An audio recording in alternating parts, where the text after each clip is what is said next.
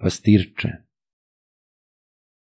U davna vremena živeo je blizu mora neki dečak koji je napasao nekoliko krava, koza i ovaca. Jednog ranog popodneva, dok je vrelo sunce peklo, ugleda dečak tri lepe devojke kako spavaju na proplanku. To behu vile. Bile su veoma lepe i ličile su jedna na drugu. Mirno su ležale i izgledale usnule. Dečak nije ni pomislio da bi to mogle biti vile. Verovao je da su devojke koje su se umorile šetajući po suncu, pa su prilegle. Sunce će ih opeći, pomisli. Šteta da pregore tako lepa lica. Moram da ih zaštitim. Onda se pope na obližnju lipu, odlomi nekoliko lisnatih grana i napravi hlad iznad devojaka. One se ubrzo probudiše i ustadoše. Stadoše se čuditi i zapitkivati jedna drugu, koji ih je zaštitio od žarkoga sunca.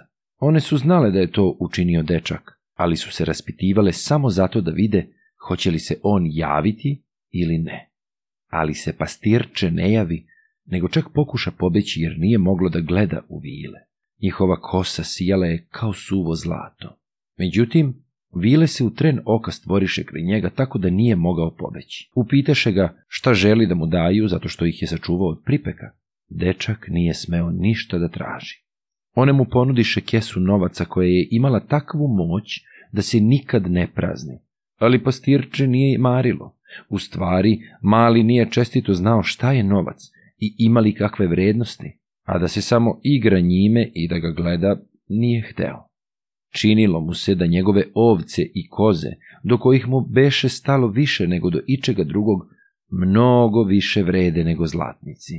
Vile su to shvatile pa rekoše. Kada uveče poteraš stoku kući, čućeš za sobom zvonjavu raznih zvona i klepetuša iz onoga pravca gde je more, ali ti se nikako ne osvrći za zvukom sve dok ne stigneš kući. Tako objasniše vile dečaku i nestadoše. A pastir tek tada uvide da to nisu bile devojke, nego prave vile. Sunce je polako tonulo u more kada dečak potera domu ona malo stoke. Što se više približavao svojoj kući, iza leđa je dopirala do njega sve jača zvonjava. Dečak je slušao te zvuke i u jednom času zaboravio šta su mu vile savetovale.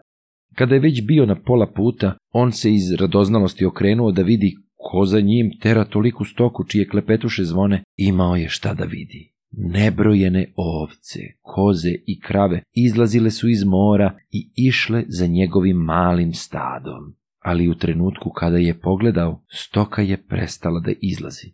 Samo ono što se već beše priključilo pastirovom stadu ostade na stazi i krenu za njim. Da se mali pastir nije bio osvrnuo, imao bi neizmerno mnogo stoke ali njemu je i ovo bilo dovoljno. Pa je još i svoje siromašne susede obdario stadom, koje je na tako čudan način dobio od zahvalnih i dobrih vila.